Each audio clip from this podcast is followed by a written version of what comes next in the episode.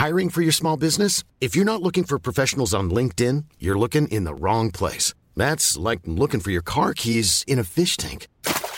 LinkedIn helps you hire professionals you can't find anywhere else, even those who aren't actively searching for a new job but might be open to the perfect role. In a given month, over 70% of LinkedIn users don't even visit other leading job sites. So start looking in the right place. With LinkedIn, you can hire professionals like a professional. Post your free job on linkedin.com slash people today.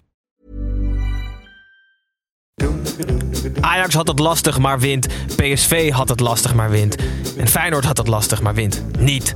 Verder beleeft Cambuur een lange, zure zaterdag... en hebben we de VAR van NEC Vitesse bij ons aan tafel. Ondanks dat het Interlandweekend onze eredivisie onderbroken heeft... zijn wij weer klaar voor een nieuwe aflevering live op YouTube... met de derde helft. Wat is dat, Hans? Hè, Door wie word je gebeld? Hè? De grootste schande uit, uit, het, uit het Nederlandse sport ooit. Ja, maar denk jij dat ik eh, Jan Pippo de Clown ben of zo?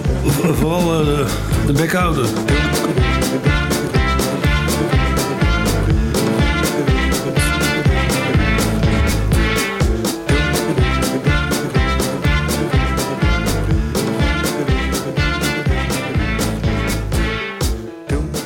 Hallo luisteraars van de podcast en hallo live-kijkers van de YouTube livestream.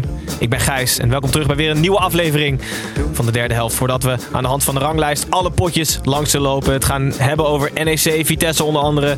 En de lastige potjes van de traditionele top 3. Eerst even naar de drie mannen met wie ik hier aan tafel zit. Tim is nergens te bekennen, maar we hebben een waardig vervanger van de bankweken te trekken. Namelijk Jeroen Manschot. Welkom terug in de uitzending Jeroen. Leuk dat je er bent. Ja. Je had een, je had een, had een moeilijk middagje misschien. Voor, Ja. voor buitenstaanders zullen we het zo uitgebreid over hebben. Ja. Maar we hebben vorige week een Interland aflevering opgenomen. Wij kijken altijd een beetje op tegen Interland weekenden. Er zijn één of twee wedstrijden waar we het over hebben. En voor de rest is er niet zoveel aan de hand. Maar voor jou was het wel genieten, hè? Ja, het was redelijk zonnig eh, in mijn eh, Interland weekend. Ja, je zat niet in eh, Noord-Brabant, maar je was iets verder zuidelijk. Ja, we in Cyprus. Ja, ja. lekker zeg. Kijk, kijk je dan echt uit naar zo'n Interland weekend dat je... Ja, tuurlijk. Tuurlijk. Het zijn mooie wedstrijden. WK-kwalificatie is altijd, eh, altijd fantastisch. Cyprus-Malta. Cyprus man. Mooie wedstrijden. Maar goed, je was, je was daar vierde man en dan is er een mooi tripje omheen. Dus, dus kijken jullie ook met z'n allen echt uit naar die, naar die, naar die breaks? Of, of kan je ook wel genieten van een lange rits eredivisiepotjes? Ja, beide. beide. Weet je, je, natuurlijk kijk je ernaar uit omdat het een, in een ander land is. Je hebt ander soort voetbal. En zeker landenvoetbal is toch weer anders dan clubvoetbal.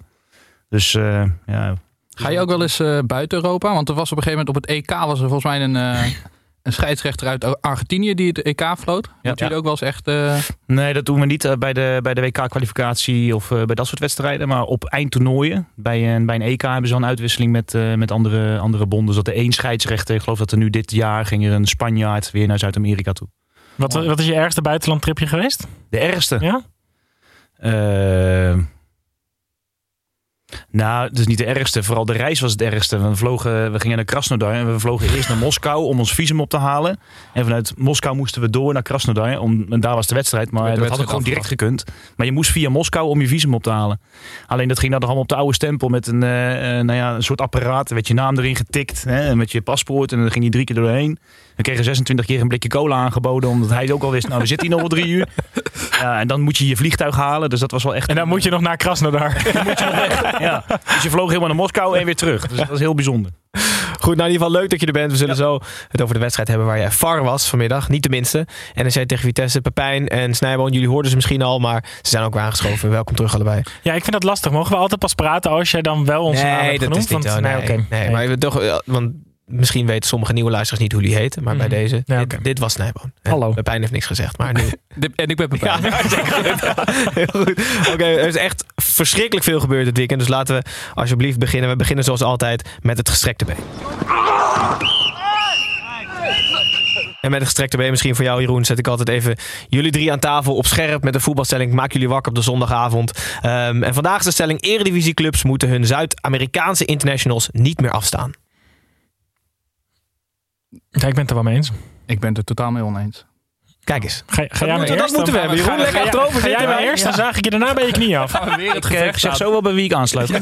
Snijboer en ik zitten na elke wedstrijd hier op straat hebben we een vechtpartij. Omdat we het altijd oneens zijn hier. Of ze Maar, Zuid-Amerikaans ook. Of, nee, maar je kan, het, je kan het die spelers toch niet aandoen. Voor de speler is, een, is international zijn en interland spelen zo belangrijk voor de, voor de marktwaarde van die speler. Dus eigenlijk ben je ook gewoon een dief van je eigen portemonnee als je als clubs die spelers niet meer afstaat. En ik snap het eigenlijk vanuit die bonden zo. Ja, dat is lastig misschien in te plannen. Vanuit die bonden niet zo goed. Dat die wedstrijden zo ingepland worden dat die spelers hun wedstrijden voor de club niet halen. Want voor die bonden is het weer belangrijk dat die spelers bij hun club gewoon spelen. Dus het enige wat je zou kunnen zeggen hiervan, vind ik, is dat je die wedstrijden anders moet inplannen. Dat ze hun wedstrijden bij de club eh, gewoon halen. En de reden, dat- de dat reden lijkt dat me we dit bespreken is wel omdat er een heel legio Zuid-Amerikanen niet aanwezig was. Of niet Ja. kon spelen dit weekend. Dus Sinisterre bij Feyenoord, Taliafico, Maar Martinez. door heel Anthony. Europa, hè? Ja, Premier precies. League, oh, nergens konden de, de Zuid-Amerikanen spelen. En ik vind, volgens mij wordt je salaris betaald door de club. Dus is dat je eerste belang. Want de bond die draagt af aan de club eh, als je daar bent. En ik zou dus gewoon... Kijk, iedereen gaat dan zeggen... Ja, maar Ajax wint zonder de Zuid-Amerikanen ook wel van Herenveen. Ja, boeien. Je bouwt toch die hele selectie niet zodat je ook nog wint als er vier man minder zijn. Je hebt gewoon die selectie opgebouwd. En die spelers betaal jij. Die heb jij gekocht. Die, jij loopt het financiële risico. Want jouw land loopt helemaal geen financieel risico als jij geblesseerd raakt. Dat is je club. Die club heeft volgens mij overal de, de, de eerste stem in. En ik zou als club die spelers gewoon niet meer laten gaan. Maar je snijdt jezelf dus ook in de vingers, wat ik zeg. Want jouw spelers zijn in één keer geen international, eh, zijn in één keer geen international meer. Ja, maar ja, eh, Martinez die is, die, is, die is een week lang ballenjongen geweest van Messi. Die heeft geen minuut gespeeld. Het slaat toch helemaal nergens Maar op. wel- Vind jij dat een bond dat moet bepalen, of dat de speler dat moet bepalen, of de club dat moet bepalen, of die mee of niet meegaat? Nee, ik vind dat. Ik vind, kijk, je kan natuurlijk altijd in gesprek met de speler. eh, maar ik vind dat de club daarin de laatste stem heeft. Maar ik vind, het wel la- ik vind het wel lastig vanuit die bonden gezien. Want het is een beetje, eh, doet me heel erg denken aan die Afrika Cup die vaak in januari wordt gespeeld. Wat, wat altijd een stempel is voor die Afrikaanse voetbal. Dat ze zeggen, ja, ja maar in janu- januari ben je hem ook heel de maand kwijt. Dus dat doet af aan zijn transferwaarde, aan gewoon de, de, de kracht die zijn speler heeft. En, en eigenlijk worden die... Dus eigenlijk je- zeg jij dat die spelers van Zuid-Amerika minder waard worden omdat ze daar, daarheen moeten.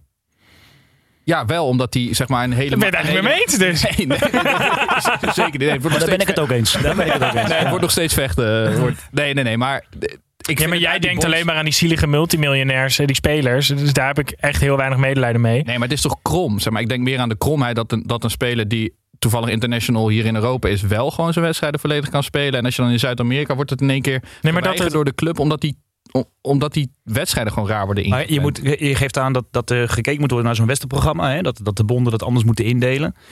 Alleen eh, bijvoorbeeld een KKD kan ook eh, internationals hebben die in Zuid-Amerika of een ander continent voetballen. En dat hoor je wel eens. Vind ik altijd van die mooie verhalen. Ja. Dat zo'n international van eh, Papua Nieuw-Guinea dan ergens in de keukenkampioen divisie rond. Ja, maar zelfs bij eerste laatste keer dat jij dat gehoord hebt.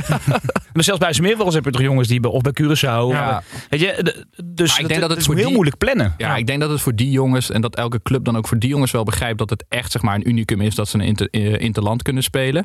Maar in de eredivisie lopen er natuurlijk heel veel rond. Maar vind jij het dan bijvoorbeeld bij Argentinië wel tellen, maar niet als je international van Peru bent? Want international zijn van Peru is niet supergoed voor je marktwaarde. Ja, dat denk ik wel. Ik denk dat speler, als Peruviaan spelen bij Ajax beter voor je transferwaarde is dan international zijn van Peru. Ja, oké. Ja. ik, wil, ik had deze stelling bedacht met, daar zijn we vast snel mee klaar. Nee. Maar we zitten al super lang te houden. Ja, we gaan het straks al over NEC Vitesse hebben. Maar Jeroen, Ja, ja, eh, praat rustig door. hoor. Jeroen, kies je even bij de kamp of eh, blijf je Ja, blijf je nee, ik vind van allebei de kanten wel wat te zeggen. Ja, Ik ben Ja. Ik ben nog niet klaar. hè? Oké, je kiest. Nee, nee weet je, het, het, het is een eer om voor je land te mogen spelen. Alleen ik snap wel wat je zegt. Dat, dat clubs die lopen een financieel risico. En voor je eigen marktwaarde, nou, daar ben ik het mee eens. Denk ik dat je dan bijvoorbeeld bij een Ajax, PSV, Feyenoord of een andere grote topclub je marktwaarde sneller omhoog gaat. Dan dat je inderdaad bij, met alle respect bij Peru voetbalt. Alleen voor zo'n jongen die in zijn elftal mag spelen en je wordt opgeroepen, denk ik wel dat het een onwijze eer is. Dus die zou graag het liefste ze wel zelf willen voetballen. Ja, dus dit is welk perspectief pak je? Heel goed. Dus laten we, laten we het hierbij houden. En dan gaan we door naar de negen wedstrijden. We beginnen vandaag met de Toto-wedstrijd van de week.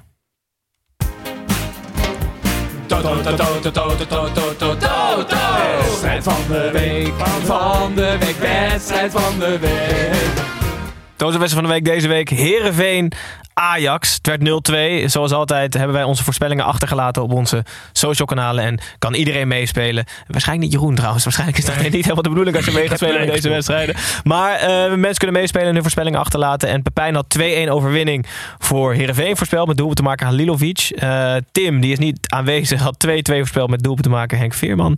Snijbo 0-2, uitslag, uit, uitslag goed. Gefeliciteerd. Eerste doelpunt te maken Berghuis was niet goed. Ik had 1-3 voor Ajax. Eerste doelpunt te maken Haller. Dus ik had de eerste doelpunt te maken weer goed. We zullen zien wie er uiteindelijk van ons bovenaan komt te staan bij dit spel. Uh, we hadden wel vijf mensen die het helemaal goed hadden gehad. Nou ja, 0-2 HLR, dat zeg maar, ja. Ja, we hadden, we hadden het niet gezegd. Nee, nee oké. Okay. dat zegt nog niet dat het makkelijk is, want anders zijn we helemaal dom. Uh, Sander 5R, Wicolas Wepen, Karin Vlietstra, Stefan Rietjens 13 en Brian Bosman hadden het allemaal helemaal goed. Uh, we zullen de komende dagen op onze story op Instagram uh, bekendmaken wie er winnaar is van 25 euro.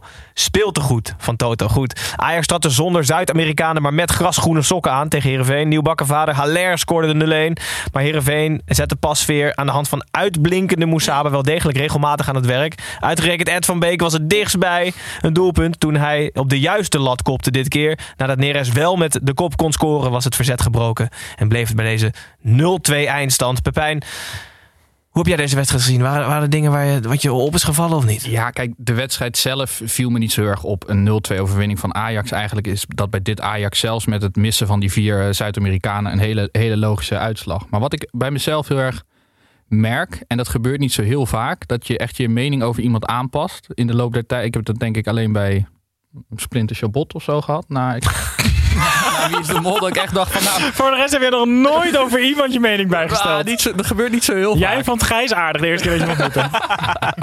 Nog steeds niet.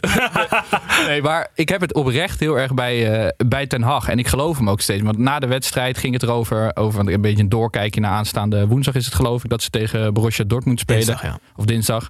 En dat Haaland, uh, Haaland weer mee gaat doen. En Ten Hag zei erover, ja dat is toch mooi. Dat willen de spelers ook. Zich meten met de wereldtop. En ik, ergens dacht ik, oh, dit is Amsterdamse bluff. Maar ik geloofde het wel in één keer. En ik dacht, er staat wel, er staat wel gewoon echt een trainer die bij dit, bij dit Ajax hoort. Met, met, met, met bravoure en, uh, en gochme. En dat vond, ik, nou, dat vond ik wel opvallend. Omdat ik heel lang heb gedacht dat Erik ten Hag een beetje ergens een, een act aan het opvoeren was van een Ajax-trainer. En mm. ik, ik merk steeds meer dat de match gewoon supergoed is. Het komt natuurlijk ook omdat de resultaten fantastisch zijn. Dat je dan eerder zoiets hebt van het klopt. Maar dat was misschien wat meest opvallende wat ik, wat ik had bij deze wedstrijd. En wat ik ook even aangestipt wil hebben. Daar moet ik even naar jou kijken. Want hij kijkt naar Jeroen. Voor de, voor de, voor de niet-kijkende nee, nee, de, de cijfers van Tadic zijn echt ongelooflijk. Twee assists daar, deze wedstrijd. Weer twee assists. Maar daar kan ik mijn mening niet over bijstellen. Ik kan er gewoon niet over uit hoe vervelend ik hem heb gesteld. maar, maar hoe is dat? Heb jij... Merk je dat je voorkeuren voor spelers hebt? Nee. dit is hele, en, en, uh, en wat vind je eigenlijk van Oostenrijk? Dit is, als je net zo goed kunnen vragen. Oké, okay, maar ik, ik kan er niet... Hoe, hoe is Tadic? Laat ja, ik het openstellen. Precies. Hoe is Tadic? Als, als, ja. ja? Ook zeker als aanvoerder, als aanspreekpunt binnen het team. Ja? Ik heb nooit problemen met hem. Ik zie hem nooit als een vervelende man. Ik, sterker nog, ik, ik gebruik hem juist om, uh, om zaken te kunnen managen of te kunnen regelen in het veld. En hij, weet je, je doet het met elkaar.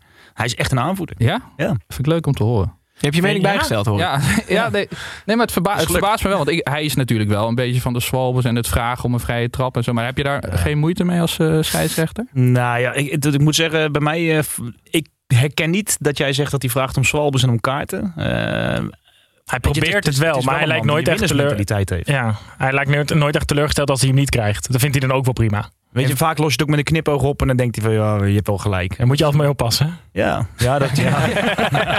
Zeker. Uh, ik vind het wel grappig dat je zegt over Ten Hag. Uh, gisteren zag ik uh, op het moment dat zij van het veld afliepen de lach en de, en de chemie met Mazraoui bijvoorbeeld. Dat daar wel echt een team staat. Dat er wel gewoon een trainer is die onderdeel is van een team. Ja. Dat vind ik wel...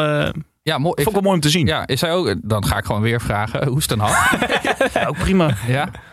Ja. Maar heel veel terugkomend op de cijfers van Tadic. We hebben wel gezegd dat het bizar zijn. 180 wedstrijden, 80 doelpunten, 78 assist voor Ajax. Ja, dat is echt ongelooflijk. Ja, Hij heeft zo ontzettend zijn stempel gedrukt uh, op dit Ajax. En soms hoor je mensen dan nu zeggen, ja, hij speelt matig de laatste tijd, want hij, hij scoort minder Maar die vaak kritiek dan, is er al bijna net zo lang als dat hij bij Ajax speelt. Ja. Dat hij niet altijd even goed speelt. Maar als je dan twee assists geeft waardoor je met 2-0 wint, ja, die maakt je wel. 2-0 gewonnen, dus drie punten weer eh, meegenomen naar Amsterdam. Dan gaan we door naar nummer 2, dat was PSV. Speelde thuis tegen PEC Zwolle. Ehm, PSV begon met een onverwacht verwachte en ook sterke opstelling. Maar het was PEC dat in de derde minuut haar derde goal van het seizoen maakte. Die goal hield precies tot minuut 84 stand. Waardoor PEC dicht bij de eerste drie punten, drie hele, hele dure punten van het seizoen leek. 10 minuten en drie tegendoelpunten later bleek niets minder waar. PSV draaide de score laat, maar uiteindelijk wel verdiend om. En won dus met 3-1. Snijboon, ik zat deze wedstrijd te kijken en ik dacht... ja, wat zou je liever hebben? Zo op deze manier er bijna zijn en toch 3-1 verliezen... of gewoon weggespeeld worden en 5-0 eraf? Weggespeeld worden. ja. Nee, nee. Dit is echt Pepijn, echt. Want je, je moet je voorstellen, zij zitten in een soort kuil die ze voor zichzelf gegraven hebben. En, en Bram van Polen als aanvoerder van het team, die klimt net zo. Die heeft net zo zijn knuisjes boven die kuil. Die kijkt zo net erbovenuit. En die wordt zo hard erin geschopt dat die kuil gewoon weer dieper is. Maar dit zou echt zo'n wedstrijd zijn dat je als trainer na de wedstrijd zegt... ja, hier kunnen we op voortborduren. Wat dacht je dat Ad Langeler gezegd heeft? Hier kunnen we op Ja. Ja, maar, maar kan je er dan op voor? Ja, maar je kan het er niet voor beduren dat je dan drie doelpunten tegen krijgt als het echt om gaat in de laatste tien minuten. dat is toch zo slecht voor je vertrouwen. Ja, ik denk niet dat ze er blij mee zijn. Zo van, eh kunnen we op voorborduren. En hier worden we mentaal sterker van. Maar ik denk wel dat voor dit pack zijn er zo ongelooflijk weinig aanknopingspunten... dat, dat ze het er maar van moeten. Wat zeg jij, wat zeg jij na zo'n wedstrijd tegen spelers? Ikke. Ja, zeg maar. Jammer. al- ja, gewoon niet, ja, maar, ja, want op de amateurvelden is het altijd. eh, Nou, succes nog. Hè. Het is altijd van die standaard teksten. Ja, Ja. Of eh, had ik na 80 minuten af moeten fluiten? Ja. Nee, maar- nee, dat vraag ik niet. Nee, nee dan zullen ze ja zeggen. Nee, maar kijk, eh, vanuit PEC gezien, je PSV uit, dat, dat kan je gewoon verliezen. Hè? En dat je dan zo lang voor staat. Maar je, moet, eh, je gaat die bus in. Ik denk niet dat ze de bus in zijn gegaan met het, idee van... nou, we zullen PSV eens even eh, op de kloten geven. En, eh, weet je, dus ik snap dat een trainer dan naar andere punten kijkt in zo'n wedstrijd dan puur de winst. Ja, Is het tegen een, een kleinere club, hè, moet met alle respect, PEC. dan kan je er wel gaan praten. Oké, we moeten hier punten pakken, dus we moeten met punten mee naar huis. Maar ik heb niet het idee dat de trainer bij de groep zei... van, we moeten die drie punten hier pakken, want... nee. Ik heb wel te doen met PEC. Ja, Ja. Ik echt niet. Oké, snij, maar ik, laten we Ja. heel veel bij PEC houden en heel veel naar PSV. Een onverwacht verwachte opstelling. Eindelijk een keer de sterkste opstelling die iedereen denkt dat normaal is. Maar Iedereen geschokt. Madueke bijvoorbeeld op rechtsbuiten viel weer uit met kramp. Ik weet niet of dat wat zegt, maar eh, deed hij het goed? Viel niet echt op, hè, Madueke? Ik vond Madueke ontzettend goed spelen. Alleen die krijgt dan kritiek. Dan heeft hij 70 meter gesprint. Vier man uitgedold. En dan komt hij in de 16. En dan staan er mensen vrij tussen aanhalingstekens. Als in die staan 40 centimeter uit de dekking. En dan krijgt hij daar die bal niet. Omdat hij al 70 minuten met de bal heeft gesprint. En dan gaat Mario Been. Die gaat dan in de, in de, in de uitzending zeggen. Die gaat dan aanwijzen op zo'n bord naar wie die allemaal moeten spelen. Ja, nou kom op jongens. Madueke was echt, het is echt een genot om naar te kijken. Moet, tuurlijk gaat niet alles goed. En dat hij uitviel met kramp was natuurlijk omdat hij geblesseerd is geweest. Dus hij speelde voor het eerst in tijden weer een wedstrijd. Maar als we echt van Eredivisie-spelers gaan verwachten dat ze aan het, eind van een, van een, aan het eind van een rush van 70 meter ook nog de bal goed neer gaan leggen, ja, dan speel je niet in de Eredivisie. En Pepijn wat zegt dat PSV nu voor de tweede keer op rij, vorige keer was Sparta, laat over de knie legde en nu legt ze PEC laat. Is dat een kwaliteit of is dat stroef beginnen? Eh, ja, Jij, jij uit je RBC-jaren kan nog wel herinneren? wij begonnen altijd, wij eindigden ook stroef. Want we zeiden altijd stroef. Nee, ja, ik, je kan zeggen het is een kwaliteit dat je die wedstrijd uiteindelijk nog over de streep trekt. Ik denk wel dat het een stukje scherpte is bij PSV waar ze voor moeten waken. Dat dat, eh, ze zijn natuurlijk redelijk opgehemeld deze zomer. Onder andere door ons, maar... ehm, Voornamelijk door ons. Voornamelijk door ons. Ja, maar dat ze daar wel, eh, wel naar moeten kijken. Ik vond het, nog één dingetje. Eigenlijk Na de wedstrijd zei Schmid, die begon te klagen over het feit dat ze... Want volgende week is natuurlijk eh, PSV Ajax. Ja.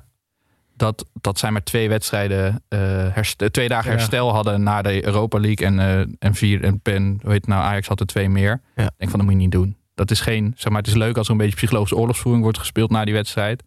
Maar niet, niet op deze manier. Zorg gewoon dat je eerst Pek eh, flink over de knie legt. Ik denk dat hij, dat hij dat ook vooral doet. Hij baalt, denk ik, dat ze in zulke wedstrijden het zichzelf zoveel moeilijker maken dan dat zou moeten. Ja, Dit kost zoveel meer energie dan dat het had hoeven kosten. Als ze nu 6-0 hadden gewonnen met gemak, had hij dit ook niet gezegd. Nee, maar dan had je ook dus gewoon ook gedacht, iedereen lekker uitgerust naar Monaco. En dan komt Ajax, weet je, dat komt daarna dan wel. Maar En nu denkt hij, ja shit, iedereen staat helemaal in het rood al. En dan had je ook, ja, want Dat sta je heel snel al, Schmid namelijk. iedereen in het rood. Ja, dan had hij wat sneller kunnen gaan wisselen. Maar ja, volgende week. eh, Heerlijk potje. Schitterend. Ja, goed. Gaan we door naar de volgende wedstrijd. Was AZ tegen FC Utrecht. Waar tegen Ajax vrijwel alles goed ging en mee zat bij Utrecht. Zat tegen AZ alles tegen en ging alles mis. Na 40 minuten stond het 3-0 voor AZ. Had Paas een ketser gemaakt en was maar hier geblesseerd uitgevallen. AZ liep na rust uit naar 5-0. Gunde spelers rust en gunde Utrecht een eretreffer. Zo werd het uiteindelijk 5-1 voor AZ. Utrecht lijkt maar geen echt goede serie neer te kunnen zetten. Want ze hadden de voorgaande drie wedstrijden wel gewonnen, maar nu weer er heel hard af. Complimenten voor AZ. Was dit, dit was in mijn ogen geen logische uitslag als je voorafgaand naar deze wedstrijd kijkt. Of, of voor jullie wel? Nou, de, de, het, wat mij hier wel over verbaast over zulke wedstrijden. ik- de- of nou, dat wil ik eigenlijk aan jou vragen. Hij gaat weer even vragen hoe, eh, hoe is mijn her? Nee, nee, nee. Maar als scheidsrechter ben je heel erg ook met de scoreverloop. bezig. Dat je ook echt heel erg verbaast over zo'n wedstrijd. Of kijk je echt van moment naar moment gewoon waar je in moet grijpen als scheidsrechter? Of, of ben je ook wel echt met zo'n wedstrijd bezig? Wat er gebeurt? En Jezus, Utrecht zeg.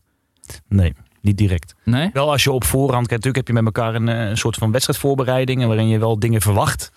Eh, en als je dan AZ Utrecht op papier ziet, dan verwacht je wel een hele open wedstrijd waarin je eh, twee voetballende ploegen hebt die, nou ja, het is soms op en soms af bij beide ploegen op dit moment.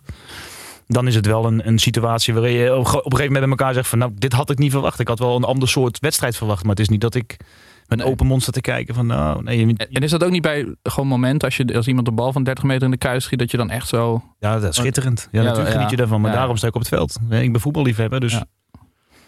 Je hebt ook van die scheidsrechters die dan voor zichzelf gaan klappen. Weet je, die, je hebt zo'n Engelse scheidsrechter dat je die gaf voordeel waardoor er een doelpunt kwam. Die stond, die stond harder te juichen dan alle spelers op het veld toen die goal viel. Dat vind ik altijd zo mooi, jongen. Jonathan ook- Mos heeft het ook wel eens. Dat hij dan voordeel heeft gegeven en dan valt die goal en dan zo'n vuistje zo over het middenveld. Zo, aatse.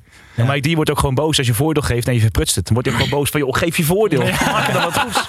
Ja, mooie scheidsrechter. Een mooie compilatie op YouTube ook van hem. Dus Maar ga jij kijkt dan eigenlijk vooral naar, naar wat voor wedstrijd verwacht ik. Daarmee kijk je eigenlijk vooral naar wat kan dit voor mij betekenen. Ja, ja wat weet je, je ziet heel vaak ook er? echte analyses en eh, tot, in de, tot in details. Hè. Daar ben ik niet zo van. Want ja, als je na drie minuten een rode kaart hebt, dan is die hele analyse alweer. eh, dus je moet er wel eens, eh, een beetje open in staan van oké, wat kan ik verwachten? Niet te ver in details. Maar ja, dat, dat kan je helpen. Ik heb deze uitslag in ieder geval niet verwacht. 5-1. Volgens mij wel niemand. meer mensen met mij. Wat trouwens, eh hadden jullie dat gehoord over AZ? Dat die, eh daar kwam na de persconferentie uit naar deze wedstrijd. Dat ze na de wedstrijd tegen Twente, die verloren toen met eh 1-3. Toen heeft de spelersgroep een gesprek met elkaar gevoerd. En dan waren de trainers, trainers en technische staf mochten daar niet bij aanwezig zijn. Op verzoek van Owen Wijndal en Martens Indy. En daar hebben ze elkaar eens even flink, flink toegesproken. En nu, toen daarna stijgende lijn is. Maar ik vond dat wel bijzonder dat, dat, gewoon, dat Jansen daar ook gewoon van zei. Ja, ik denk dat dat hartstikke goed is. Nee, maar ik haal daar ook eigenlijk uit dat ze dus de schuld niet zo bij Jansen leggen. Maar dus echt hebben gezegd van even los van die trainer. Gasten, wat zijn we nou aan het doen? Ja. En dat vind ik best wel volwassen van zo'n Ja, dat- spelersgroep dat- eigenlijk. ik vind het ook wel volwassen, maar het lijkt me als trainer ook wel lastig. Joh. Dat is gewoon, ja, want je bent wel bang dat ze naar buiten komen en zeggen... Pascal, we hebben het over gehad. Ja, We gaan het toch zonder je proberen. Here's je tas. Voor het weekend.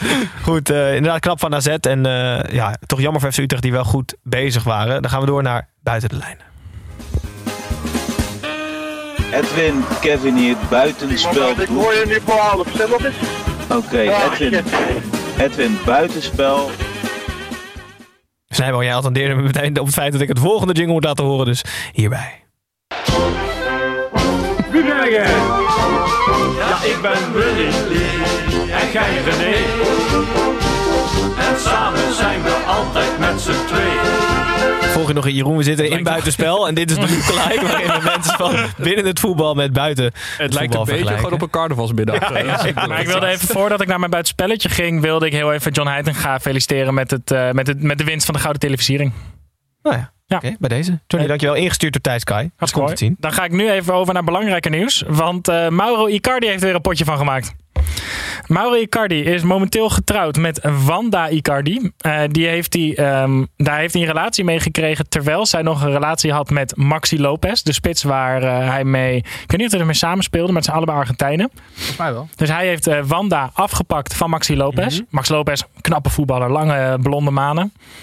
Ik zeg het maar. Ehm, maar Wanda ja. Icardi, ook de zaakwaarnemer van Mauro Icardi, eh, die eh, plaatste gisteren een bericht op Instagram wat vertaalt naar Another family you ruined for a bitch. Dus nog een familie die je hebt verpast, eh, ver- verpest door een, Ja, vervelende mevrouw. ja, een, een, een, een vrouwelijke hond. Ja. Ehm, eh, die heeft ze ook weer verwijderd, maar het lijkt erop dat Mauro Maar dat is Icardi... strafbaar, toch? Of niet? Dat is strafbaar. Met de vrouwelijke Daarom is het ook verwijderd weer waarschijnlijk. Ja. Eh, maar Mauro Icardi die schijnt dus eh, weer met een, eh, een schone dame het bed in, eh, ingedoken te zijn die niet zijn eigen vrouw is. En het feit dat ze zegt dat het weer een is, lijkt ook wel aan te geven dat Mauro Icardi dat vaker doet. Maar als je zo vaak op de bank zit bij Paris Saint-Germain en op de deur ga je ook andere dingen doen, denk ik. Een keer met een vrouw op de bank zitten. Ja, maar als je vrouw ook je zaakwaarnemer is, is dit wel echt risicovol hoor. Absoluut. Pepijn, wat heb jij meegenomen? Die weten wel wat clausuletjes in dat contract, eh, denk ik. Nee, ik wilde even naar onze zuidenburen, omdat daar uh, OH Leuven die speelde wederom een eh, bizarre wedstrijd. Als je dacht dat het bij eh, NEC tegen Arnhem eh, uit de, tegen Vitesse uit de hand liep, dan daar was er niks bij. Ehm, er werd in de 96 en 99 minuut gescoord, omdat er 10 minuten blessuretijd bij was getrokken. Waarna de keeper bekogeld werd met vuurwerk die naast zijn oor ontplofte, waardoor hij een uur na de wedstrijd, daarna heb ik geen update meer, nog steeds doof was.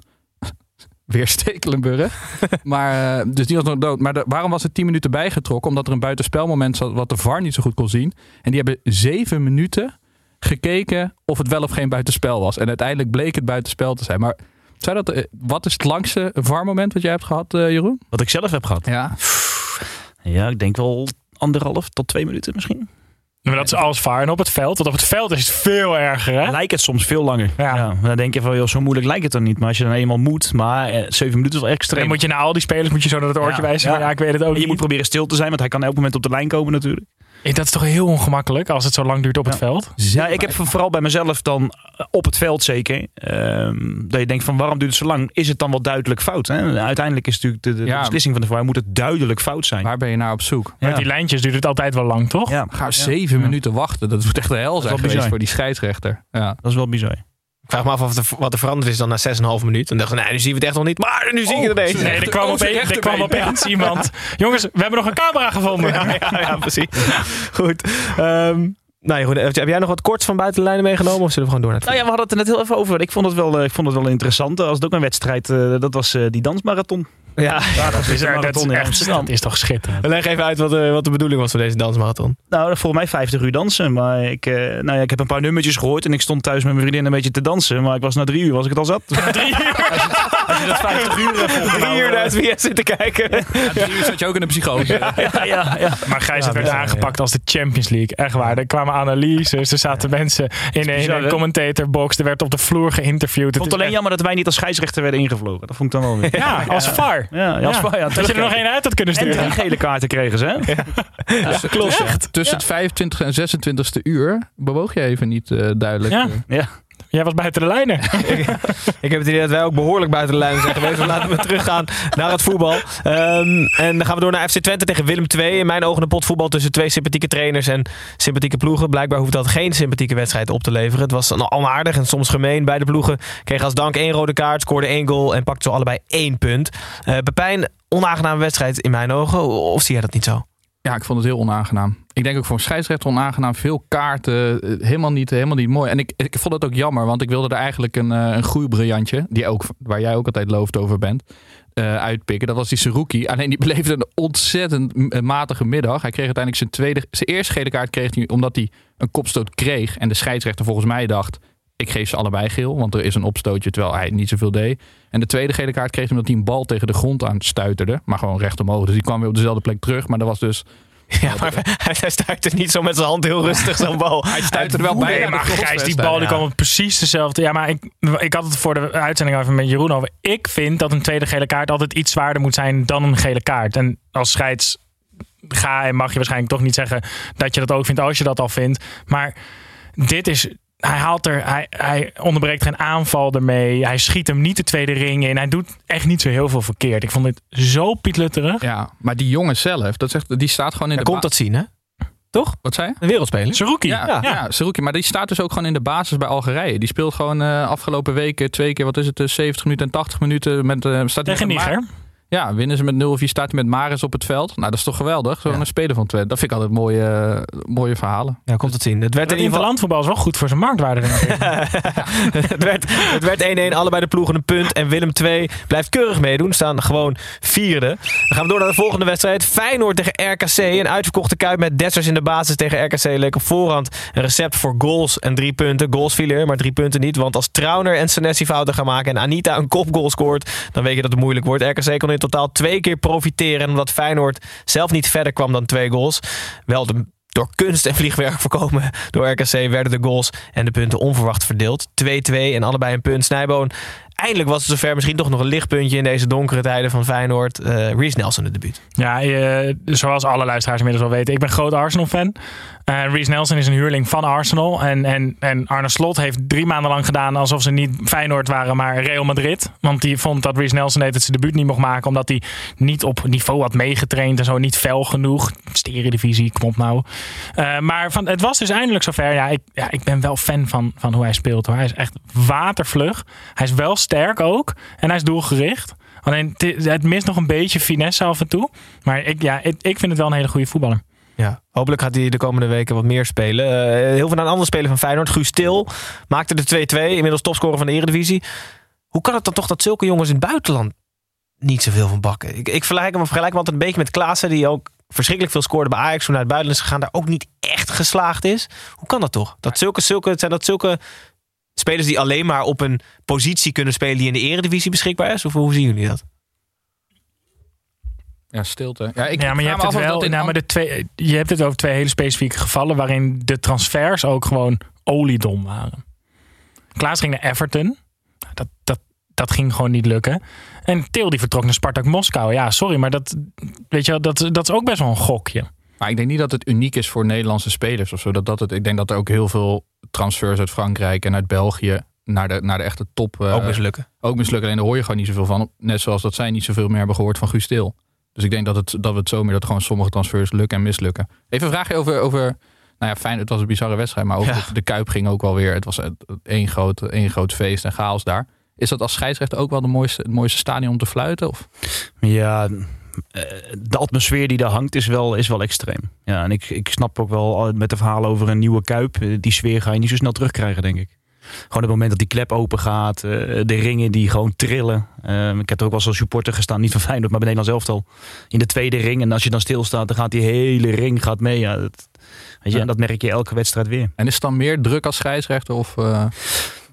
Nou, niet direct. Zo merk ik het niet, zo voel ik het niet. Ik vind die druk zelf altijd wel fijn. Hè? Hoe meer druk op een wedstrijd, hoe fijner ik het vind. Um, maar het is niet, er wordt wel vaak geroepen, de kuipvrees, ze durven niet. En, maar ja, dat, zo voel ik het zelf niet. Ik kan niet voor anderen spreken, maar... Gewoon mooie, mooie wedstrijden zijn het. Ja. ja. ja. Wat is het verschil tussen topsporters en toparbiters ook en al het andere? zijn over het algemeen mensen die door druk beter gaan presteren. Dat is ook waarom mensen de top halen. Ik moet er niet aan denken namelijk. Moeten niet heel veel mensen naar deze podcast luisteren of we slaan allemaal dicht, denk ik. Gijs, ik zou bij de aftrap bij Feyenoord zeggen, ja, penalty. Ja, ja, ja, ja, ja rood ook. Maar RKC pakt gewoon een punt in de Kuip. Ja, ontzettend knap. Ja. Speelde ook wel leuk. Het was niet zo... Uh, Oké, okay, Feyenoord had wel meer kans, maar het was niet per se een super erg gestolen punt als ik het Ach, nou, ja, het was, ja, het was wel. Ze voetballen heel leuk, maar die krijgen een partij kansen tegen. Ja, Oké, het was wel sterk. Stel je nou je mening bij? Het is nu. Maar het is over iemand. Het is nu. Uh, ik ben het. Ten Hag. Wie was het nou nog meer? Tadic en, Splinter Chabot. Hij heeft in deze afgelopen half uur over drie mensen zijn mening bijgesteld. Goed, dan gaan we door naar de volgende wedstrijd. En dat was niet zomaar een NEC tegen Vitesse. Er werd door alles en iedereen uitgekeken naar deze derby. Ik heb ooit iemand horen zeggen dat derby's niet per se de beste wedstrijden zijn. Dat was deze wedstrijd ook. Dat was wel spannend en intens. Uh, na de 0-1 veranderde Vitesse in een soort Getafe, net als tegen Feyenoord. Uh, er werd vrijwel niet meer gevoetbald en ook niet meer gescoord. Zo pakte Vitesse wel drie hele belangrijke punten voor de regio in deze derby. 0-1 werd het namelijk. Jeroen, jij was hier de VAR. Ja. Um, volgens mij heb je al genoeg berichten erover gekregen, maar wij krijgen er heel veel vragen over. Dus, dus leg ons uit. Wat gebeurde er bij de goal van Vitesse en hoe heb jij dat gezien? Ja, daar komt een lange bal. Uh, ja, we zien op die foto ook uh, daar Verloe de, de bal op de hand krijgt. En of de bal wel niet over de, over de achterlijn is. Uh, die lange bal die komt, eh, ze komen in duel. Uh, de bal uh, toucheert de arm van, van Darvalu. En de bal is wel dan niet over de achterlijn. legt hem terug en er wordt gescoord. Uh, zeker bij die hensbal. Ja, begin bij de hensbal. Zeker nu met de nieuwe spelregels is dat een, een onopzettelijke hensbal voor een doelpunt. Ehm, als je hem zelf scoort moet je hem afkeuren. Maar als je hem aflegt aan je teamgenoot dan hoef je niet meer af te keuren. Eh, en ik heb geen enkel moment het idee gehad dat deze speler überhaupt die bal heeft aanzien komen. Eh, voor mij een natuurlijke houding, te rechtvaardige positie. Dus voor mij een 100%. En speelt dan niet mee dat de verdediger in dit geval Barretto wel op het verkeerde been wordt gezet doordat de bal de hand raakt? Nee, nee dat, dat, ja, maar deze dat zie- regels dat zijn is er een aanname. niet mee te werken als scheids. Dat is zoveel... Nee, ja. Zo arbitrair. Nou, je bent gelukkig Maar bij arbi- Tadic, arbiter, bij, maar... bij Tadic zou je deze afluiten, want je weet niet zeker of hij het expres doet. Bij Darvalu kan je dit door laten gaan, die handsbal. Want dat is zeker niet expres. Nee, bij Darvalu weet je wel, die doet het echt niet expres, anders had hij hier niet gespoeld. Nee, maar zou je niet pleiten om gewoon aanvallend hands is gewoon altijd hands? Dit, dit slaat... zeg maar, Als je de, ik, ik kan hem heus wel volgen, de analyse. Maar dit, Nou, vor- vorig seizoen hadden we hem ook, eh, eh, was de regel ook anders. Hè? Was die fijner? Nou ja, iedereen snapte het uiteindelijk. En dan een jaar later wordt de regel weer veranderd. En eh, is het nu weer dit. Maar dit is wel weer meer, deze regel kiest wel weer, ja, het is interpretatie, maar je kiest wel voor eh, eh, voordeel voor de aanvaller. En ik ben wel altijd fan van regels die voordeel voor de aanvaller als uitgangspunt hebben, want dat is waar voetbal om draait. Dat is uiteindelijk wat iedereen wil zien. Nee, ja, maar ik ben het voordeel voor de aanvallen en vervolgens eh, een, een half stadion dat helemaal gek wordt. Doordat niemand het begrijpt en iedereen denkt dat je het fout hebt, fout hebt gezien. Ja, maar daar kan je niet naar kijken. Want als het andersom was geweest, was dat stadion niet gek geworden en hadden ze gejuicht. Hè? En Als je gaat kijken. ja, maar als, als je de regel hebt van hands, hands is hands, dan, kan, dan kun je er moeilijker boos over worden. dan Hij is gewoon geraakt met de hand. En nu is het Met Pepijn, je bent toch genoeg voetballiefhebber om niet alles van het voetbal in, in, in, in zwart-wit regels te willen vatten. Je moet geen niet alles, maar dit is zoveel gezeik joh, met die handsballen. Altijd. Maar hierbij toch niet? Dit is toch, ik, ik vind dit heel logisch. Ja, we gaan hier niet uitkomen in ieder geval. Maar laten we doorgaan naar het volgende moment. Misschien nog wel waar meer, iets meer... eh, we gaan wel lekker, hè, Pep, vandaag. Dat is leuk, man. Zullen we met z'n twee verder gaan? Ja, ja, ja. Jeroen, gezellig dat je aangeschoven bent. Was de bal over de achterlijn of niet? En eh, ja, hoe heb je dat gezien? Ja, eh, we, hebben, eh, we hadden tien camera's vanmiddag. eh, waarbij je aan twee, drie camera's niet zoveel hebt. Alle camera's die op deze situatie gericht zijn, die bekijk je natuurlijk. Je zet op het moment stil dat de bal het uiterste puntje heeft bereikt. Dan ga je alle camera's bekijken. Maar er is geen enkele camera die ons 100% uitsluitsel geeft. Dat de bal met bolling en wel in zijn geheel en al over de doellijn is. Ja. En als je dat bewijs niet hebt, kan je ook niet zeggen ehm, ehm, dat de bal uit is geweest. En ik, ik, ik snap Duidelijk. mensen dat ze de aanname hebben vanuit een camerapositie vanuit de zijkant. Dat je een groene grasstrook ziet. Maar dat zegt niets, want de bolling van de bal kan de lijn nog raken in de lucht. En dat geldt ook nog als... eh, En hoe was, de, hoe was het geweest als de assistent nadat die bal erin was gaan wel zijn vlag omhoog gestoken had gezegd achterbal? hadden we die beslissing moeten steunen. Omdat we geen bewijs hebben dat een bal uit of binnen is. Duidelijk. Je de, de beslissing op Denk je dat zo'n grensrechter dan ook denkt, ik vlag niet en ik wacht, Nee. wacht de VAR af of dat niet? Nee, want hij was resoluut. Hij stond op de achterlijn. Kijk, Hij zit ook op de situatie. Hier moet hij ook staan, omdat ook natuurlijk de bal daar is en Ja. de, de spelers er zijn. Maar hij was resoluut. Bleek uiteindelijk wel doorslaggevend voor deze wedstrijd. Het bleef Mag namelijk ik bij wel, want, 0-1. want als we. ehm, ik ben het hier heel erg mee eens. En mijn mensen gaan denk ik sowieso morgen eh, in onze DM's komen met... eh, ja, vriend van de show, dus jullie zijn niet kritisch en zo. Maar Klopt ook. Ik, ja, ja, zeker. Dat hebben we ook afgesproken. Ja, ja, ja. Geen Nee, maar, nee, maar ik zei het ook al voor de uitzending. eh, heb ik het ook al gezegd. Ik begrijp alle mensen die zeggen...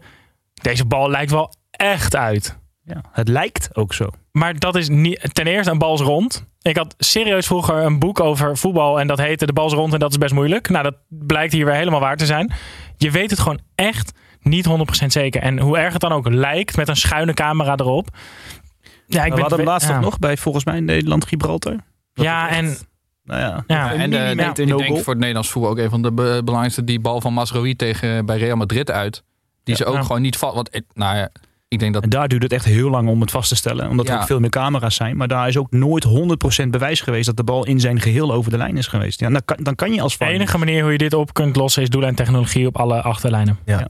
Of- dat is, Ja, alleen een camera op de achterlijn, dat zeiden we natuurlijk vooraf, eh, vooraf dat we hier Mhm. begonnen. Eh, als je een camera op de achterlijn zet Ja. en er staat een speler tussen, zie je het ook weer niet. Dus je Ja. moet die technologie hebben die het ook gewoon eh, automatisch detecteert. Ja, of- dat- Voor je weet de grens er ook nog voor. Duizenden, ja, honderden duizenden euro's. Dus dan gewoon de, de boarding strakker om het veld zetten. Ja, de, bal zelf- niet, meer- de bal niet meer gewoon uit. Ja, Dat is een goed idee. hartstikke goed. Neem het mee naar de KVB. eh. Het was wel inderdaad doorslaggevend deze wedstrijd. want Het bleef bij die 0-1 voor Vitesse. Snijboon op rond voor de wedstrijden. Dave, we hadden het er nog over. Iedereen keek uit naar deze derby. Jij keek uit naar het uitgraven van de middenstip. Maar het was wel iets extremer. Ja, ik, eh, ik heb er een lijstje van moeten maken. Nou is het lijstje wel maar vier dingen, dus dat zegt ook wel genoeg over hoe ik er vandaag in zit. Lijstje dus. Klein, Ja. klein lijst. Eh, het begon met het slachtafval. Ehm, dus eh, beide supportersgroepen hebben slachtafval gedumpt bij plekken die belangrijk zijn voor de andere club. Die van Vitesse gingen daar wel echt veel te ver in. Want die hebben eh, op een plek waar een NEC-supporter, Rocky, is overleden, hebben ze eh, slachtafval gedumpt en een spandoek erbij, Rocky is back. Nou, dan, dan ben je... Dan niet zo boos. Dan ben je echt niet goed. Nee. Dat, nou ja, ik, ik, zo, ik wil dat ook helemaal trouwens geen eh, fans noemen. Want dit zijn geen fans. En dat zullen alle clubs ook gelijk eh, zeggen. en Vitesse heeft het ook gezegd. Ehm, voor de wedstrijd ook nog supportersgevecht bij een tankstation. Eh, Vitesse-fans hadden een anti-nek feestje. Ehm, en daar de NEC-fans waren daarvan op de fans, dus aanhalingstekens weer, waren daarvan op de hoogte. Die wilden daarheen gaan, maar daar waren de Vitesse-fans, dus aanhalingstekens weer van op de hoogte. Dus die namen hakbijlen mee. Eh, en daar is een NEC-supporter zwaargewond eh geëindigd. Eh, tijdens de wedstrijd altijd bier gooien. Daar word ik ook zo scheidmoe van. We hebben het er helemaal over dat het gas zo duur is. Niemand heeft meer geld om zijn elektriciteitsrekening te betalen. Maar we hebben blijkbaar wel geld om, om, om pils van 3 euro gewoon eh, het veld op te smijten de hele wedstrijd. Stop daar eens mee. Na de wedstrijd ook weer rellen. Politiebus eh, gesloopt en bekogeld. En een verslaggever van... ik weet niet meer... Ja, een regionale nieuwszender belaagd en bedreigd. En het stadion van NEC vernield. Niet Ja. expres. Nee, en ik heb eh, twee weken geleden hier in de uitzending gezegd dat ik weer de tijd een beetje miste dat uh, supporterscharen elkaar het middenstip uit, uh, uitgroeven en dan ergens anders neerlegden. Uh, ik, heel veel mensen hebben blijkbaar naar me geluisterd, maar dit had ik niet helemaal bedoeld. Goed, uh, het uitvak van NEC stortte ook nog half in. Uh, doordat Vitesse-fans de overwinning vierden. Gelukkig niemand gewond geraakt. En uh, tenminste voor, als, voor zover ik weet nu. Dus dat is... uh, de best geplaatste container ja, in Nederland. Ja, de Toch? container heeft in ieder geval zeg maar, het verder instorten van het uitvak doen voorkomen. Dus dat was, dat was uitstekend nieuws. Laten we bij deze wedstrijd houden. En dan gaan we door naar Tim. Die er stiekem toch nog een beetje is. Of iemand dit nou weten wil. Dat boeit me niet ontzettend veel, want ik heb weer een weetje voor je mee. Hij heeft een weetje ingesproken, maar moet even zoeken waar Dirk, ons geluidsmannetje, hem op het soundboard heeft gezet. Ik hoop dat ik hem kan vinden. Hallo mannen. Uh, even een weetje over een, uh, over een bijnaam van een oud Eredivisie-speler, namelijk Nasser Chatli. Voormalig vleugelflitser van AGOVV en uh, ook FC Twente. En Chatley die, werd, uh, die wordt de dolfijn genoemd. En die bijnaam komt eigenlijk door een fotoshoot in de, in de Cosmopolitan. Toen hij uh, naakt poseerde. En zijn vrienden er eigenlijk achter kwamen dat zijn huid heel erg leek op dat van een dolfijn. En daarom de bijnaam Dolfijn. Hartstikke goed. Nou, niemand wist het. Pepijn dacht het te weten of acteerde dat hij het wist. Maar... Ja, dat vind ik wel slap. Ja, ja. Aha-erlebnis. Ja, ja, precies. Goed, laten we, de, laten we het uh, bij Tim's bijdrage houden hierbij. En dan gaan we door. Terug naar de wedstrijden. Nog drie te gaan. Om te beginnen bij Fortuna Sittard tegen Cambuur Leeuwarden. Na de busreis van 308 kilometer keihard werken. Na 86 minuten 1-0 achterkomen. De 1-1 afgekeurd zien worden in minuut 91. En dus met precies 0 punten weer 308 kilometer huiswaarts. Een pijnlijke, zure, lange avond voor Cambuur. En een broodnodige overwinning voor Fortuna 1-0. Dus uh, Pepijn, hoe kijk jij als lobbyist van de provincie Zuid-Holland naar deze afstand? ja. Ik moet politiek heel neutraal in blijven. Maar ik denk dat jij doelt op uh, hoeveel uitstoot dit is geweest en hoeveel uh, wegdek hierbij wat is. Wat een afstand. Ja, wat een afstand. Maar 616 leuk kilometer. dat ik wist dat je hierover ging beginnen, want ik heb het even opgezocht. En dit heeft uiteindelijk 45.000 gram CO2 uitgestoten. Deze hele busreis voor deze hele pijnlijke nederlaag. En dat moet je dus compenseren. Dat kun je compenseren door het plaatsen van bomen. Dus um, ik heb uitgerekend dat uh, Cambuur moet elke 20 kilometer uh, een boom planten. Om dit, om dit weer goed te maken. Okay. Maar daarmee maken ze niet het, het, het verdriet goed uh, wat deze wedstrijd heeft gebracht. Want dit was wel echt heel zuur. Ja, het was sowieso een zure wedstrijd. De laatste vijf minuten was het enige wat interessant was. En Cambuur moet dus bomen gaan planten. Hartstikke goed. Laten we het erbij. gaan, we, gaan we door naar Go Ahead Eagles. tegen, Go Ahead Eagles tegen Heracles. André Kuipers ging voor het eerst naar zijn neefje Bas Kuipers uh, kijken. En kreeg een buitenaard spektakelstuk voorgeschoten. Ja, twee klassieke ketsers van Haan. Drie goals en twee rode kaarten voor de Eagles. Stond het in minuut 97 3-2. Waar Heracles de afgelopen periode patent had op goals in de laatste minuten. Waren het nu de negen van Van Wonderen. Die een echte heerlijke wedstrijd op slot gooiden. Het werd dus 4-2 uiteindelijk. Um, volgens Luc Brouwers, middenvelder en maker van twee doelpunten. Moeten wij thuisvoordeel van de Eagles niet onderschatten, Snijboon. Nee, de, de, hij had het over de vijftiende man. Dus het publiek is de vijftiende man. Dus dat, ik heb twee theorieën. Of het publiek is echt zo ongelooflijk als, als alle rijmpjes de afgelopen tijd hebben doen, uh, ons doen geloven. En ze hebben dus een 12e, 13e, 14e en 15e man. Of Dat vind ik leuker. Het publiek is helemaal niet zo heel goed. Dus die komen niet eens in de buurt van de basisplek. Dus die hebben gewoon rug nummer 15 gekregen. Ja. Hoe, hoe, hoe is het voor een scheidsrechter? Adelaarshorst? Leuk. Ja? Ja. Welke theorie klopt voor de, voor de 15e man? Nou ja, het is ook, ze waren natuurlijk nu met negen. Dus misschien dat ze zes mensen dan... Dit- dit- dit- dit wordt een beetje de Bos, wordt het. Zo van de bingo kaart. Ik heb, ook Nee, is- ik heb er ook wel eens op het veld staan. Het is wel echt... Ja, het is leuk. Als je, Ja. daar dat, eh, als je die straat dan in komt rijden, dan uh, ja, het is echt volks. Wij waren altijd een beetje tegen alle, alle de hele bingo kaart van Engels Stadion dicht op het veld, Volksbuurt en zo. Maar het klopt, het klopt wel echt allemaal. Ja. Bingo kaarten kloppen over het algemeen ook. Dus dat is prima. Go. is ook een tegeltje wijze. Ja, ja. Bingo Go, ook op de kaart. bingo kaart. Go Ahead Eagles, drie heerlijke punten na een heerlijke voetbalwedstrijd. Een andere Kuipsgenoot van zijn neefje. Gaan we door naar de laatste wedstrijd van dit weekend. Sparta Rotterdam tegen FC Groningen. Een kelderkraker tussen de ridders van Danny Buis op het kasteel tegen Sparta. De Groningers kwamen door een van de weinige lichtpuntjes dit seizoen. Cyril Ngonge op voorsprong. Zijn vijfde doelpunt van dit seizoen. Maar Sparta antwoordde door middel van het doelpunt van Brian Smeets. Beide ploegen leken zo bang om te verliezen dat er voor de rest eh, overal weer wat kansjes waren. Maar ze allebei niet tot scoren kwamen. 1-1 dus, allebei een punt. Ik zit toch wel echt moeten inmiddels een beetje paniek zijn bij Groningen. Danny Buis was, was redelijk recht voor zijn raap na de wedstrijd. Was hard over zijn eigen ploeg. Ze staan eh, volgens mij in het degradatiegevaar. Staan zestiende. Zeven punten uit negen wedstrijden. Valt echt tegen. Reden voor paniek? Nou, dit was voor het eerst dat ik Danny Buis wel echt zo hard hoorde. Dat hij over zijn eigen spelers zei... eh, joh, we kunnen ze alles aanreiken en alles voor ze doen. Maar op den duur moeten ze wel iets terug gaan geven aan de rest van de ploeg en de club. Normaal is eh, Danny Buis natuurlijk een beetje eh, meer Mourinho. Dat hij er een beetje voor gaat liggen. En dat hij, dat hij de, de druk een beetje weghaalt bij zijn ploeg. Dus ik denk dat intern daar wel een beetje aan het rommelen is. Nou, Sparta net zoveel punten, maar daar hoeven we iets minder van te verwachten, toch? Vorig jaar kwam het ook goed. Tweede seizoen zelf was het toch bij Groningen vorig jaar zo sterk.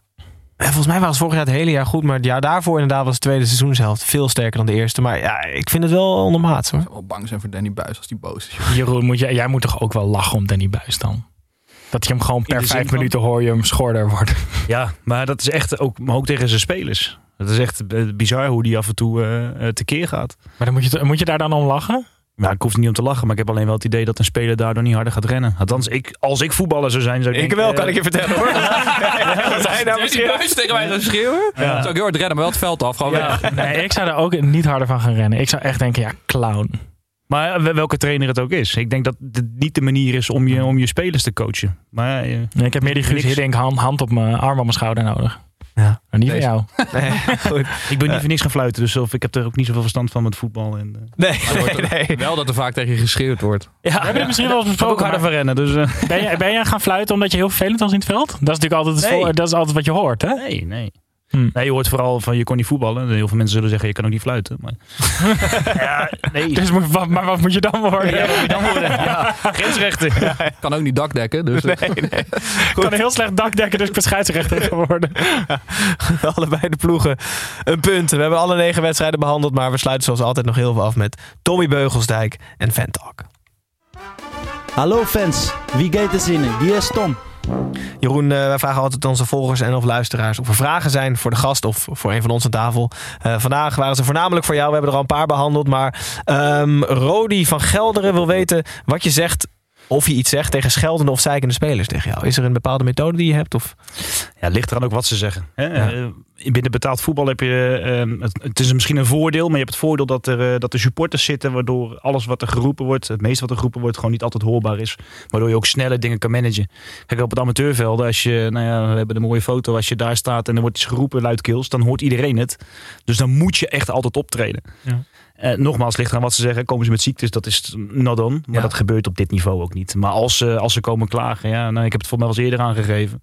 Ze zeggen regelmatig van je kan er geen kloten van. Maar ik weet ook wel dat ze drie minuten later die bal in die tweede ring schieten. En dan zeg ik, je kan er zelf ook helemaal niks van. Ja, ja. Ja, het weet je, dat is een dat beetje misschien wel wat je met elkaar speelt. Gewoon een beetje. eh, maar de, sommige, ik denk dat je ook accepteert, toch? Ja, Als je- tuurlijk. ja. tuurlijk. Dat, Allebei dat de kanten op. Ja, je, je staat wel op een podium waarin, eh, waarin je het samen moet doen. En, Ja. En je begrijpt ook wel dat er enorm veel druk op die spelers ligt. Dus dat daar ook gewoon een stuk frustratie soms bij komt kijken. En dat jij per ongeluk in de buurt loopt.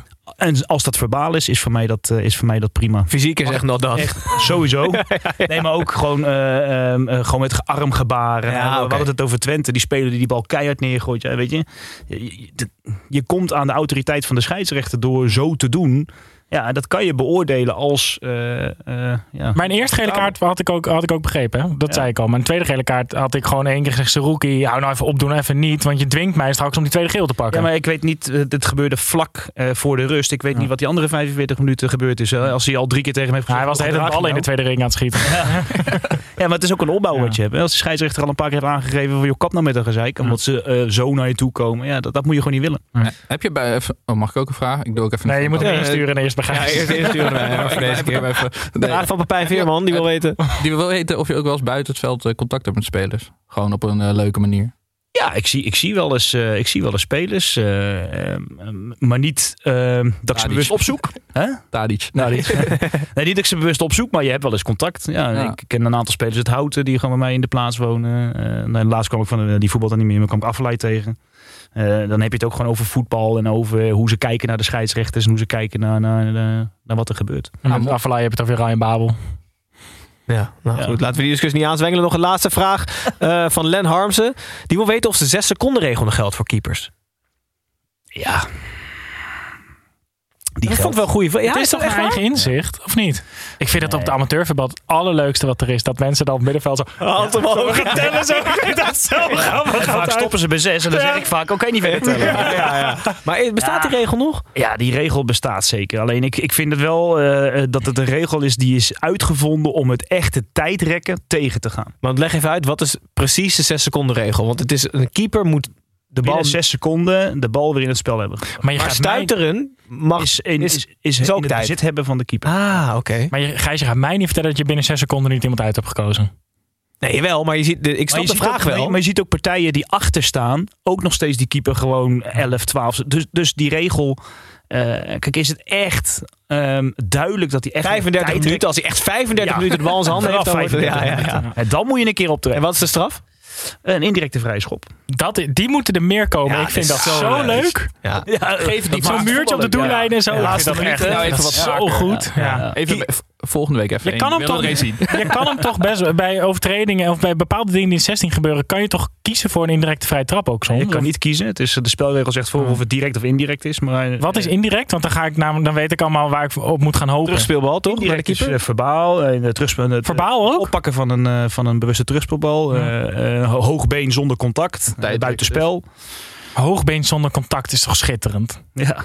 Dat doe ik altijd bij het eh, warmlopen. Denk ik dat zo die benen zo omhoog zwaaien. Elke keer indirecte vrije trap. Tot je middel dan. Maar wacht, als een centrale verdediger in zijn eigen 16 meter jou uitscheldt, dan kan hij dus een indirecte vrije trap tegenkrijgen. Dat is, je moet altijd heel snel uit de 16 rennen. Heel niet fysiek. En niet fysiek is eh, indirect. En fysiek contact is eh, altijd direct.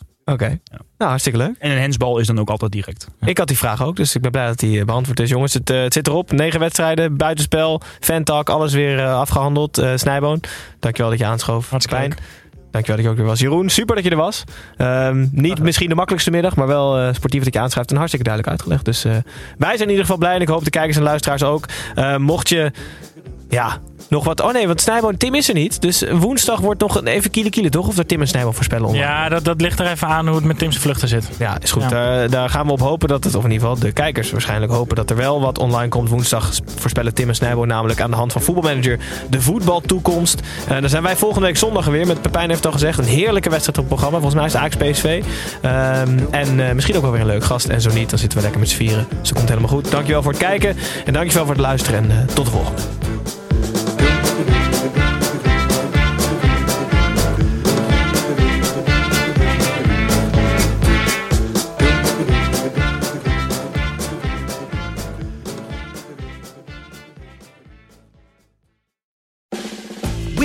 USAA insurance to help you save.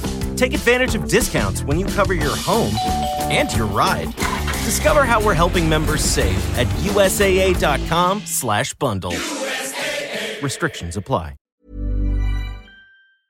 Mom deserves the best, and there's no better place to shop for Mother's Day than Whole Foods Market. They're your destination for unbeatable savings, from premium gifts to show-stopping flowers and irresistible desserts. Start by saving 33% with Prime on all body care and candles. Then get a 15-stem bunch of tulips for just $9.99 each with Prime. Round out Mom's menu with festive rosé, irresistible berry chantilly cake, and more special treats. Come celebrate Mother's Day at Whole Foods Market.